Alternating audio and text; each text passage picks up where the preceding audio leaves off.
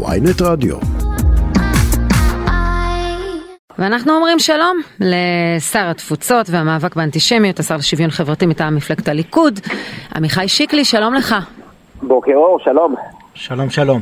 Uh, אנחנו רואים את ההתבטאויות האלה של uh, חלק משרי הליכוד בימים האחרונים ביחס לטייסים uh, ולמכתבים שלהם. גם אתה אמרת לפני איזה שבועיים משהו על הקשר הרופף שהמחויבות הרופפת של השמאל הציונות שמתפוררת לשיטתך ברגע שקשה ושמענו אתמול את הקריאה של ראש הממשלה נתניהו למתן את ההתבטאויות האלה. איפה אתה עומד הבוקר? קודם כל אני עומד על האדמה. דבר נוסף, אני חושב שבואו לא נסובב את ה... בואו לא נהפוך את היוצרות. הדבר החמור, הממש חמור, פגיעה בביטחון המדינה, פגיעה בכושר ההרתעה של מדינת ישראל, מתנה אדירה לאויבי ישראל, לחמאס, לאיראן וחיזבאללה, זה הדבר החמור, זה הדבר שצריך להוקיע, זה הדבר שצריך כלומר, לגנות. אתה מסכים עם שרת ההסברה שקראה להם לא, נפולת של אה, נמושות? אה, אני, אני מבקש לא להכניס לי מילים לפה, אני מסתדר מצוין. אני- זה סימן שאלה. אני בא ואומר, אני בא ואומר, כדאי שנצא נצא מפוזיציה רגע, כי כשמדובר בביטחון ישראל, כן, אז הגראדים של חיזבאללה או הקסאמים של חמאס לא עושים הבחנה בין כן מתנגדי רפורמה לתומכי רפורמה, וכדאי שכל אחד יתפוס רגע אחריות. סרבנות מכל סוג, בוודאי סרבנות בטייסת שמיוחסת ליכולת לפגוע באיראן או דברים מהסגנון הזה, זו פגיעה ממשית בביטחון מדינת ישראל, וזה האירוע הגדול פה, ואני מאוד שמח שיש איזושהי נסיגה, נקרא לזה, התנערו, אמרו, אנחנו לא מסרבים, אנחנו באים. אני שמח שהלכו לכיוון הזה. עכשיו לגבי התבטאויות, אני חושב שהתפקיד שלנו... רגע, אבל איך אתה חושב, איך אתה חושב היה צריך להתמודד עם כמו שאמרתי הסרבנות? קודם, אני... זה. שקראתם לזה סרבנות, אני לא מסכימה, אבל בסדר. התפקיד של... מה זה? אני לא חושבת שזו סרבנות, אבל אה, אני לא חושבת משנה, שהאנשים האלה... אי התייצבות, לא איך אתה חושב לא. שצריך לטפל בזה? אני... מה, אין פה... מה, מה זה לטפל בזה? קודם כל, לא, כי- הצבא... כי כי הם הצבא- חזרו, אתה אמרת שהם חזרו ואתה שמח שהם חזרו, אבל זה היה בזכות אה, אה, שיחה עם שר הביטחון, שהבטיח להם שהוא ישמיע את קולם בפני הממשלה, ושתהיה לא, הידברות, סליחה, אני ושינסו... מתייחס לכמה, זה לא... מכיוון שהיו כמה מכתבים, אני מתייחס לתופעה בכללותה. אני אומר, אני רואה את הדבר הזה בחומרה רבה. אני שמח שגם ראש המטה הכללי בא ואמר אתמול בצורה הכי ברורה שיש, מדובר בקו אדום, מדובר בפגיעה בביטחון המדינה, ולכן אני חושב, אני מאוד שמח שהרמטכ"ל עשה את הדבר הזה ויצא כנגד התופעה הזאת, ושוב אני אומר, אני מאוד ממליץ לאנשים לצאת מפוזיציה, ואף אחד לא יספר לי, כן, שעשיתי מילואים עד, אה, ממש עד כניסתי לכנסת, עד מבצע שומר חולות, כולל, כולל, כולל מבצע שומר חומות, אף אחד לא יספר לי, כן, שיש לי, אני נגד המילואימניקים או אני נגד טייסים, כי זה מה שמנסים לייצר. לא, אבל כן, כאשר אומרים לטייסי חוד, אומרים להם, רגע, אבל לכו לעזאזל, אבל תן לי גם לשאול. אני מילואימניק גאה, כן. אני חושב ש... שנייה רגע, אני לא חושב כן. שזו הייתה אמירה אה, במקום, האמירה של אה, קרעי, אבל אני חושב שזה אה, ביחס לפגיעה בביטחון המדינה של אותם אנשים, אז זה לא- זה לא מרכז האירוע האמירה כן. הזאת, זו אמירה שלא מועילה, היא לא מקדמת אותנו קדימה, אני לא עומד מאחורי האמירה הזאת, אבל בוא לא... זה, זה, לא הדבר, זה לא הדבר המרכזי שקרה כאן. זה לא הדבר המרכזי שקרה כאן. אתה מפגין המון ביטחון בדברים שלך, אבל כאשר uh, כותבים לך uh, החניכים שלך, מהמכינה. מהמכינה, ממדרשת תבור ומהמכינה חלקם, שהם אומרים לך, אנחנו שהתחנכנו על בסיס האני מאמין שלך, המזוקק, כפי שבא לידי ביטול במפעל חייך, מדרשת תבור, חושבים שבפועלך האיש ובפועלה של ממשלת ישראל הנוכחית יש סתירה מובהקת של הערכים עליהם חינכת אותנו. מה הרגשת כשקיבלת את המכתב הזה? קודם כל אני הזמנתי אותם, הייתה לנו שיחה מצוינת, 150 בוגרים שהגיעו בשישי לשיחה מעמיקה. אנחנו סיכמנו בינינו שתוכן השיחה לא יוצא החוצה, זו הייתה שיחה מאוד מאוד מאוד טובה, מאוד חשובה. אני חושב שלצערי, רבים בציבור לא מבינים עד הסוף את פרטי הרפורמה. יש היסטריה שמייצרים פוליטיקאים שרוצים בסופו של דבר, מה- רוצה האופוזיציה? אני חושב שכולנו יודעים מה רוצה האופוזיציה. אופוזיציה רוצה להפיל ממשלה, וזו זכותה, וזה לגיטימי. והדברים פה מעורבבים. יש פה, בואו נחבר רגע את הנקודות, כן? מה לחבר בין, זה חידה לציבור שמאזין לנו. אה, אמר את זה סטיב ג'ובס בנאום שלו, אם אני לא טועה זה היה בפרינסטון.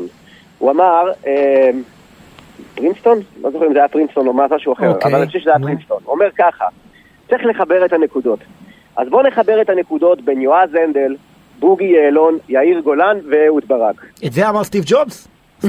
בוא נ- כי הוא אמר בוא נחבר את הנקודות. אתה את יודע מה. אתה- רגע, אבל- יש לי שאלה. אבל אתה מחמיא להם. עכשיו אני עונה לחידה, כן. והמענה הוא אחוז החסימה.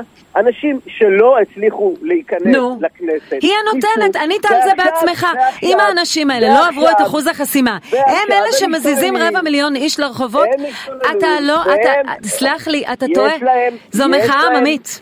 יש להם עממי, עממי, הכל עממי, אבל יש הנהגה, ויש, אני אומר שוב, רגע, אני עושה חלוקה. אתה מחמיא להם. יש, יש מי, יש מי שהוא שומע, הוא דואג, הוא פה, הוא שם, אגב, אני חושב שהדאגה פה, המחאה, מה שמזין אותה זה הרבה יותר אמוציונלי, זה הרבה יותר סוציולוגי, זה הרבה יותר חשש מדתיים, חשש מחרדים, מחשש מדברים כאלה.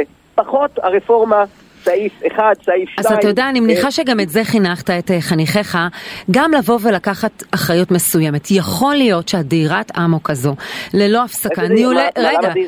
משום שאי אפשר להגיד שאין כאן אה, בליץ חקיקה. לא הייתה כנסת שהגיעו ככה, ממש בהתחלה, לכמויות כאלה של חקיקה, כשיש התנגדות כל כך נרחבת, גם בציבור וגם ב, ב, בוועדה עצמה. רוטמן מנהל את הוועדה על הסכין, ממש כל הזמן בקצב קצב, מוציא כבר לוזים לשבוע הבא כשמדברים על מתווים. יכול להיות שהחשש הזה והפחד הזה של הציבור נובע מזה שמישהו נורא מפחד לעצור, כי מה יקרה אם הוא יעצור? אולי הוא יתפשר מעט, ואנחנו רואים את החרדים דורשים את החקיקה שלהם. אולי גם לכם יש צד בבהלה הזו? אנחנו הזמנו כבר לפני אה, שלושה שבועות, אה, באופן חריג, באופן תקדימי, את אה, חברי מנהיגי האופוזיציה לבוא לבית הנשיא ולקיים הידברות. אה, לצערנו הקריאה הזאת לא נענתה, זה הכל נעשה תחת תיאומים, או שתעשו ל-60 יום, או שיהיה פה מרי אזרחי ונעודד סרבנות ונעודד אנשים למשוך השקעות ונפגע בכלכלת ישראל ונפגע בביטחון ישראל ובגדול נשרוף את המועדון ונשרוף את הבית הזה על יושביו. למה? כי לא מתאים לנו הממשלה הזאת וכי רק לא ביבי. ואני חושב שזה לא רציני ואני חושב שאם... מה אתה חושב על הצעת הפשרה, הצעת אם הפשרה שהניחו אם אני- אה, אה, גיורא ירון, דניאל פרידמן, גיורא איילנד ויובל אלבשן? מצוין, אני כבר קראתי, ו? בעיניי זה הכיוון הנכון. אגב, אם מנהיגי האופוזיציה לא יבואו לעשות איתנו פשרה, הפשרה וההידברות תעשה עם גורמי מקצוע. לא, fair enough, אני אומר, המסמך הזה אתה חותם עליו מחר, לו לו זה כוחו, לא חותם עליו. במאת האחוזים, אני לא חותם עליו במאת האחוזים, יש שם בעיה בסעיף של הבחירת שופטים, אני חושב שזה לגיטימי לחלוטין שיהיה רוב קטן לקואליציה בבחירת השופטים. הדבר החשוב במסמך הזה זה בעצם סדר בנושא של מה ההבדל בין חוק יסוד לבין חוק רגיל, נושא שהוא כרגע פרוץ לחלוטין. נכון. הרי הביקורת הכי גדולה והכי מוצדקת שהייתה זה לבוא ולומר, רגע, אז שנייה, אז עכשיו נחוקק כל חוק כחוק יסוד, וזהו, ואין ביקורת שיפוטית. וזה ביקורת מוצדקת. כלומר, וגם אני- כלומר אני- גם אתה, ואני- גם אתה כש, כשנחשפת לרפורמה שהציעו אה, אה, לוין אני ורוטמן, אמרת רגע, אני חסר פה חוק. יסוד חקיקה. אמרתי את זה, אמרתי את זה, אמרתי את זה מיד בחוקים שלנו. הנה, יש לך הסכמה עם יש עתיד? הם, אה, ואני חושב שהרעיון של קריאה רביעית או של 70 חברי כנסת לחוק יסוד, זה פותר לנו את מרבית הבעיה. כן. כי אז זה אומר אז, אז אולי יותר חשוב לה, להגיד בכותרת, אני תומך במת, במתווה, במתווה אני שמוצג של חושב פרופסור אלבשן שהמתווה ודניאל של פרידמן. אלבשן ואיילנד הוא קודם כל קרוב למה שיהיה בקצה, בסיום. יש לי הסתייגויות, אבל אני חושב שזה מתווה מאוד מאוד מאוד רציני. עכשיו, מאוד ר- רציני. ריאל, ריאל פוליטי. מה קורה אם, אה, אתה אומר זה מתווה רציני, אבל כמובן אנחנו לא אה, אה, נקפוץ להתפשר לפני שנראה רצון טוב מהצד השני. הצד השני יגיד אותו דבר עליכם, ואנחנו נישאר באותו לופ שאנחנו מצויים בו חודש, שכולם אומרים מקווה- שהם בעד הידברות, אבל מאשימים את הצד השני שמונע אותה. אני- אני מקווה שבני גנץ לא יירתע מהוורסיה החדשה של קריים מיניסטר ומאהוד ברק, ויוביל את האירוע הזה. אני חושב שהוא גם ירוויח מזה קרדיט פוליטי משמעותי. אם הוא יקדם, אם הוא יקדם את, ה, את ההידברות בצורה רצינית. הוא ירוויח מזה, כי העם בסופו של דבר, מי זה, מי זה מפגין, כן? זה אבא של אשתי מפגין, זה חברים שלי, נו, מי זה מפגין? אנחנו בסופו של דבר, אף, אף אחד פה לא רוצה פה איזה... אגב, אבא של. אבא של אשתך הוא אנרכיסט בעיניך? הוא לא, אני אמרתי, מי זה אנרכיסט? אמרתי את זה בכנסת בנאום השבוע, מי שיורד לאיילון נחסום, אנרכיסט. אבל רוב הציבור דגל- לא, באמת לא חוסם ולא מתעמת עם כוחות משטרה. נכון. אז אתה אומר, אז, אז אבא של אשתך הוא זה ש, שיאיר גולן אה, מזיז אותו, או שהוא עצמו חש מאוים? לא, הוא, אני חושב, שייך לאנשים שהם קוראים אה, עיתון הארץ, כן, שעיתון הארץ עושה לנו סוף הדמוקרטיה, והסוף של מדינת ישראל, שפה אפוקליפטית, שפה היסטרית, וזה משפיע על אנשים. רגע, רגע, אני אפשר לשאול אותו על תפקידי משרדו? יש לי כמה שאלות, מיד, אבל אני סקרן רגע קצת אחורה.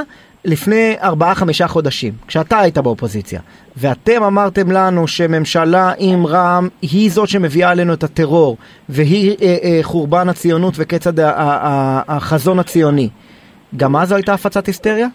אני חושב שאין בכלל מקום להשוואה, כי אף אחד לא אז אמר, טוב, עכשיו בוא נלך למרי אזרחי, בוא נפגע בכלכלה, בוא נמשוך השקעות, בוא לא נשרת בצבא. אבל השפה האפוקליפטית לא הייתה גם הייתה. אף אחד, אף אחד לא דיבר במונחים שלצערי, גם צריך להכניס את זה לתוך השיח בחוסר אחריות משווע.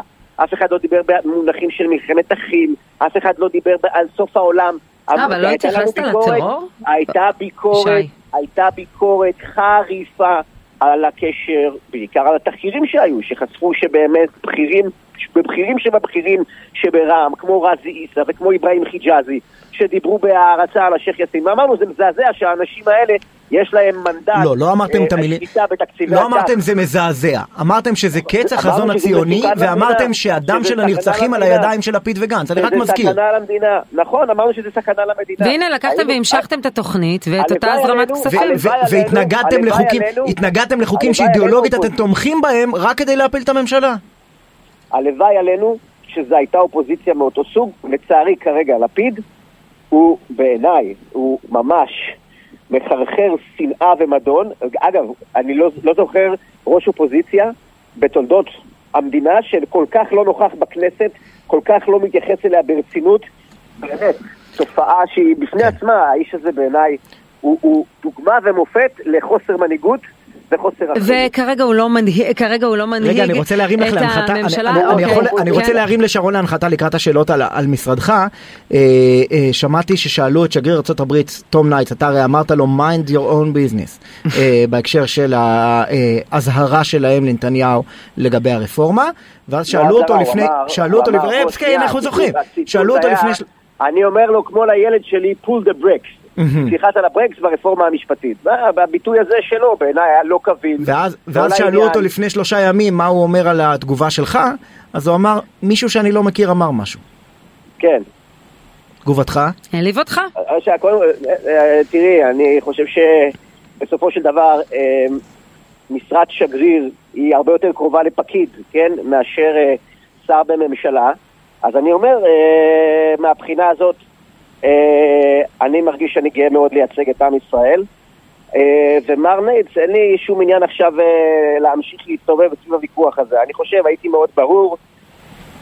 מה שנוגע לענייניה הפנימיים של מדינת ישראל, ויכוחים על רפורמה משפטית, מינוי שופטים ככה או ככה, זה לא עניין של שגריר אה, של מדינה זרה. אז לא בתור של, שר אה, התפוצות... מאוריטניה ולא של ארצות הברית. אוקיי, אז בתור שר התפוצות, ליהדות ארצות הברית בכל זאת יש מה שנקרא stakes, יותר מאשר לדבריך לפקיד, אוקיי? יהדות ארצות הברית שתומכת בנו, שהיא חשובה לנו, שרבים מבניה אולי יעלו לישראל. אז בוא נדבר עליו, דיברנו עם הרב ריק ג'ייקובס, הוא נשיא רבני הקהילות הרפורמיות, הוא גם נאם בהפגנה, אני בטוחה שאתה אמר. אוקיי. הוא מפוחד מאוד מהרפורמה הזו, הוא מפוחד מההשלכה שלה, הוא מרגיש מה זה להיות מיעוט במדינה דמוקרטית בארצות הברית, הוא חושש מאוד והוא מתריע כנגד זה. אותו אתה כן שומע? הוא, זה רלוונטי שהוא יתערב? קודם כל, היו לי איתו כבר כמה וכמה שיחות, זה לא, אני ועוד איך שומע אותו, לא בהפגנה, אני, אני, אני קשוב לו, ב, אנחנו נפגשנו כמה פעמים. ואני בהחלט מקשיב לו. אנחנו צריכים לזכור גם שריק ג'ייקובס מייצג את הקוטב הכי שמאלי והכי פרוגרסיבי של יהדות הברית. הכי שמאלי והכי... בסדר, אבל זה לא מעט יהודים, זה יהדות לא שהולכת וגדלה. כן. אני לא בא ואומר, גם הוא זכה לאוזן קשבת. לא פעם אחת ולא פעמיים, ויודעת מה, גם לא שלוש. זאת אומרת, אני מאוד מקשיב, ונמצא בהידברות, גם איתו וגם עם אחרים. מאוד מכבד אותם, ואגב, יש משקל בעיניי יותר משמעותי למה שאומרים מנהיגים, מנהיגי קהילות בארצות הברית, בעיקר נגיד, למשל בסוגיות כמו חוק הנכד, שיש להם איזה נגיעה ישירה עליהם, מאשר מה אומר שגריר של מדינה זרה, שבסופו של דבר... אז הם מוטרדים מסעיף הנכד, הם מוטרדים ממתווה הכותל שלא מיושם. עם כן. מדינות זרות דנים על סוגיות של יחסי חוץ, של יחסים ביטחוניים, של דברים מהסיפור. הדברים ברורים. אנחנו לא, מנהלים דיון עם מדינות זרות. אבל השאלה אם תסייע, אותו, תסייע לו בעניין מתווה הכותל שסוכם, הוחלט, ראש הממשלה נתניהו היה אמור לעמוד מאחוריו, והוא לא קורה בשטח. אני לא רואה שום שינוי בסטטוס קוו במתווה הכותל בממשלה הנוכחית, כשם שלא היה בממשלה הקודמת. זה מה שיש לי לומר. הבנתי. לגבי, ו... אנחנו חייבים לסיים, אבל אי אפשר נכון. בלי יום האישה, בכל זאת אתה השר לשוויון חברתי. הרשות נכון. למעמד האישה יושבת במשרד שלך. נכון. אה, יש חשש מאוד גדול של נשים, ואתה רואה את מחאת הנשים. יש חשש, אבל הממשלה הזאת תקצבה בשמונה מיליון שקלים את הרשות למעמד האישה, והממשלה הקודמת במיליון וחצי שקלים. במיליון וחצי שקלים, ומעבר לזה זה היה... לא, אבל אתה יודע, פערי השכר הם נעשים בשיתוף עם משרד הכלכלה ומשרד העבודה. טיפול באלימות זה יחד עם המשרד לביטחון לאומי. ייצוג נשים בעמדות קבלת החלטות, אין לכם אף מנכ"לים שאתם באופן אה, מיניתם. כלומר, יש המון המון דברים שצריך לשפר, איך זה יעשה? אז כן, אז קודם כל אני חושב שזה, לא, שזה לא לזכותנו שאין אף מנכ"לית.